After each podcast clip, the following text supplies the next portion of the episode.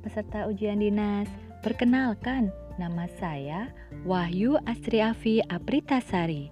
Akan menemani Anda belajar. Semoga bermanfaat ya. Ayo kita mulai.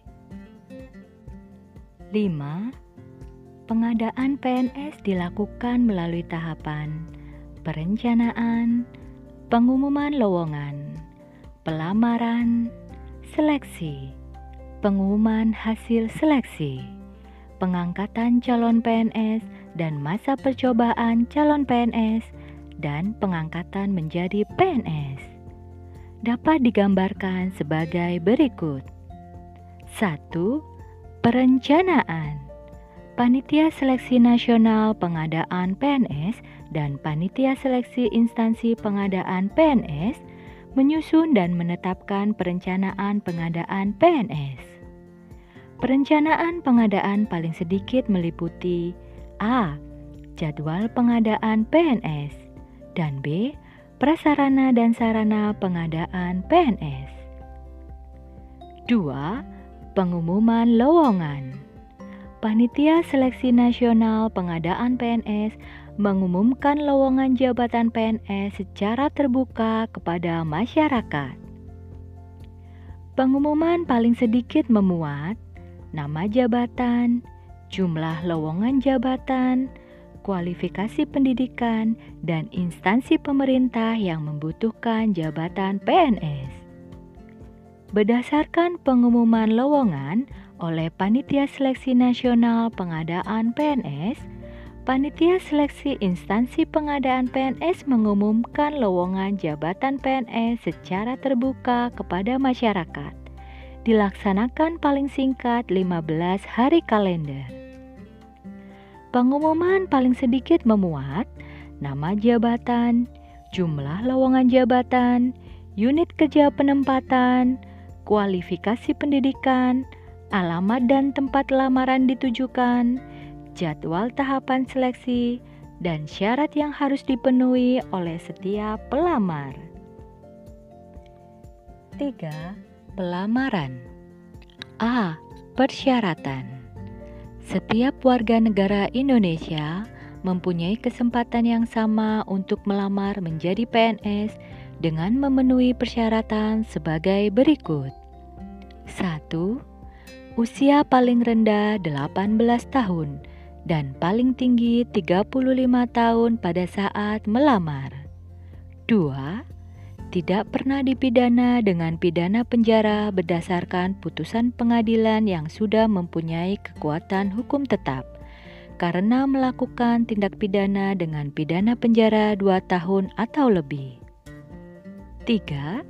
Tidak pernah diberhentikan dengan hormat tidak atas permintaan sendiri atau tidak dengan hormat sebagai pegawai negeri sipil, prajurit Tentara Nasional Indonesia, anggota kepolisian negara Republik Indonesia atau diberhentikan tidak dengan hormat sebagai pegawai swasta. 4.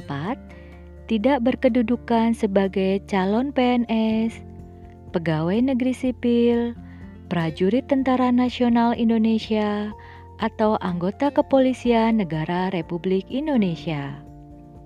5 tidak menjadi anggota atau pengurus partai politik atau terlibat politik praktis. 6. Memiliki kualifikasi pendidikan sesuai persyaratan jabatan. 7. Sehat jasmani dan rohani sesuai dengan persyaratan jabatan yang dilamar. 8 bersedia ditempatkan di seluruh wilayah negara kesatuan Republik Indonesia atau negara lain yang ditentukan oleh instansi pemerintah. Dan sembilan, persyaratan lain sesuai kebutuhan jabatan yang ditetapkan oleh PPK. B. Batas usia dapat dikecualikan yaitu paling tinggi 40 tahun bagi jabatan tertentu yang ditetapkan oleh Presiden. C. Setiap pelamar wajib memenuhi dan menyampaikan semua persyaratan pelamaran yang tercantum dalam pengumuman. D. Setiap pelamar berhak untuk memperoleh informasi tentang seleksi pengadaan PNS dari instansi pemerintah yang akan dilamar.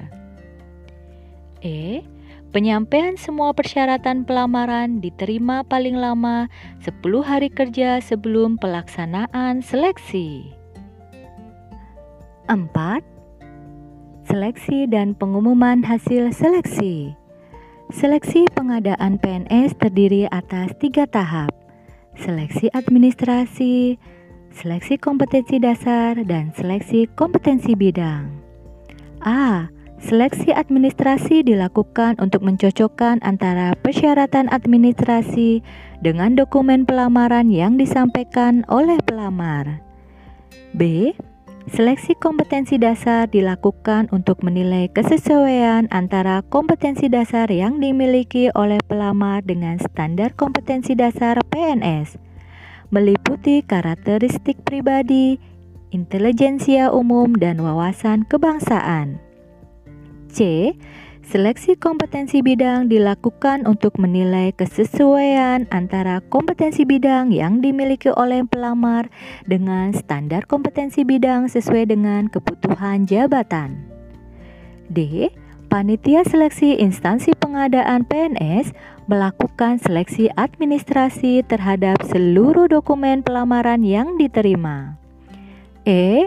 Panitia seleksi instansi pengadaan PNS wajib mengumumkan hasil seleksi administrasi secara terbuka. F. Dalam hal dokumen pelamaran tidak memenuhi persyaratan administrasi, pelamar dinyatakan tidak lulus seleksi administrasi. G.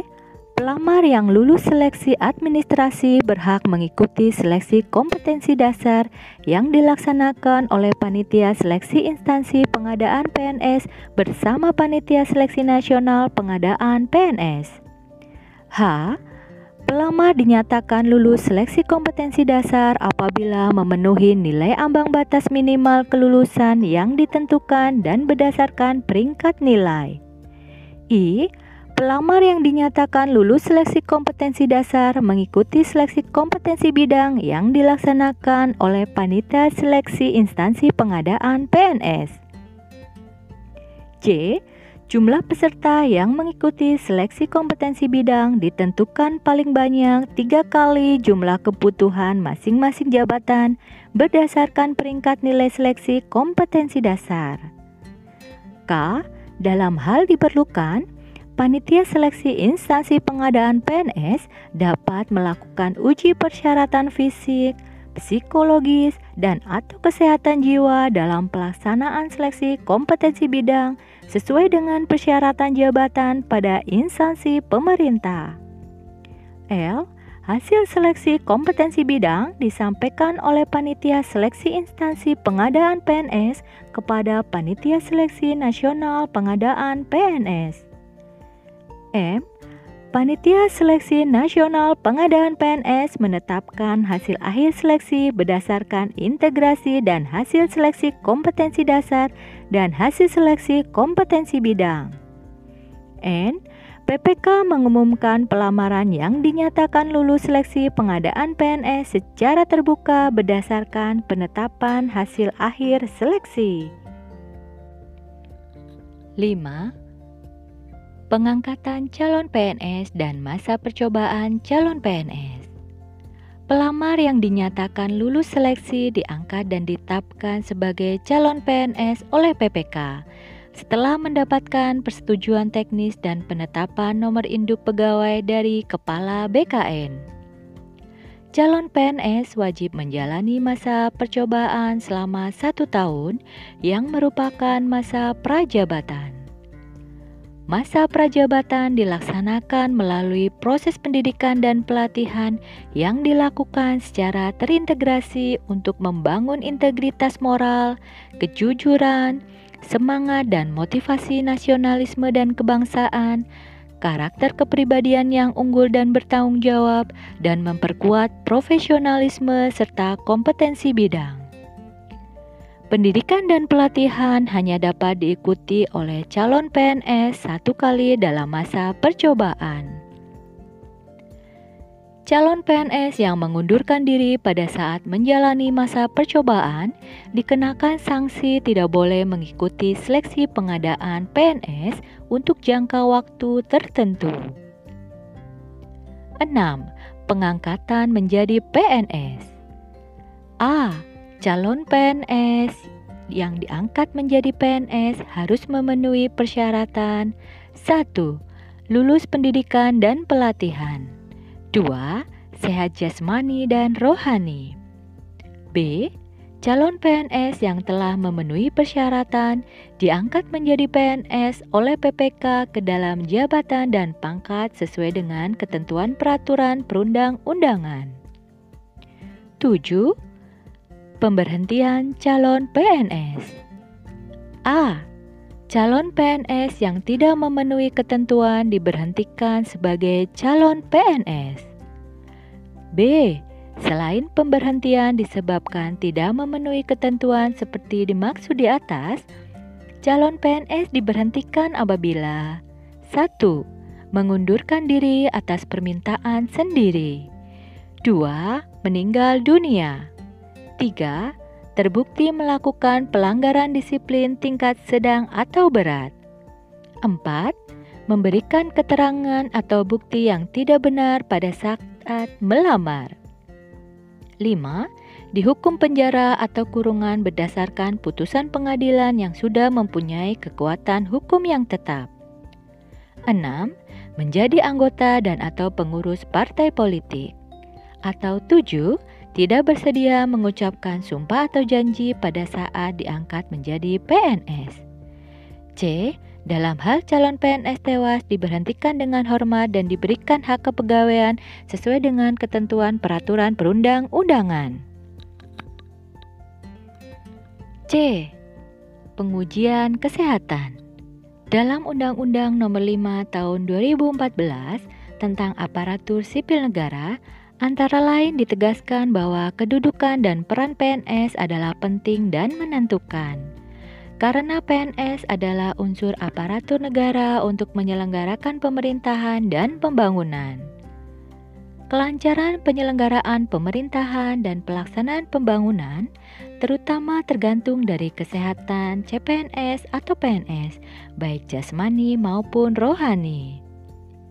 Untuk mencapai kesehatan CPNS atau PNS dan tenaga-tenaga lainnya yang bekerja pada negara Republik Indonesia, perlu diadakan pengujian kesehatan. D. Pengangkatan sumpah atau janji pegawai negeri sipil.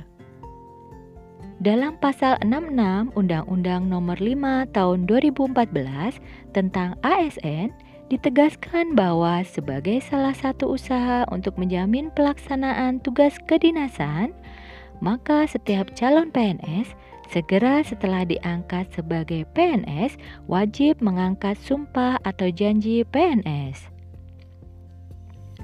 Pasal 39 Peraturan Pemerintah Nomor 11 Tahun 2017 tentang Manajemen Pegawai Negeri Sipil sebagaimana diubah dengan Peraturan Pemerintah Nomor 17 Tahun 2020 tentang perubahan atas Peraturan Pemerintah Nomor 11 Tahun 2017 tentang Manajemen Pegawai Negeri Sipil mengatur bahwa setiap calon PNS pada saat diangkat menjadi PNS wajib mengucapkan sumpah atau janji yang dilakukan pada saat pelantikan oleh PPK. Sumpah atau janji sebagaimana dilakukan menurut agama dan kepercayaannya kepada Tuhan Yang Maha Esa. Nah, demikian sesi belajar dengan saya, Wahyu Astri Afi Apritasari. Jangan lupa kasih penilaian di akhir sesi materi pelajaran ini. Selanjutnya akan diteruskan oleh teman saya. Semoga sukses semuanya ya.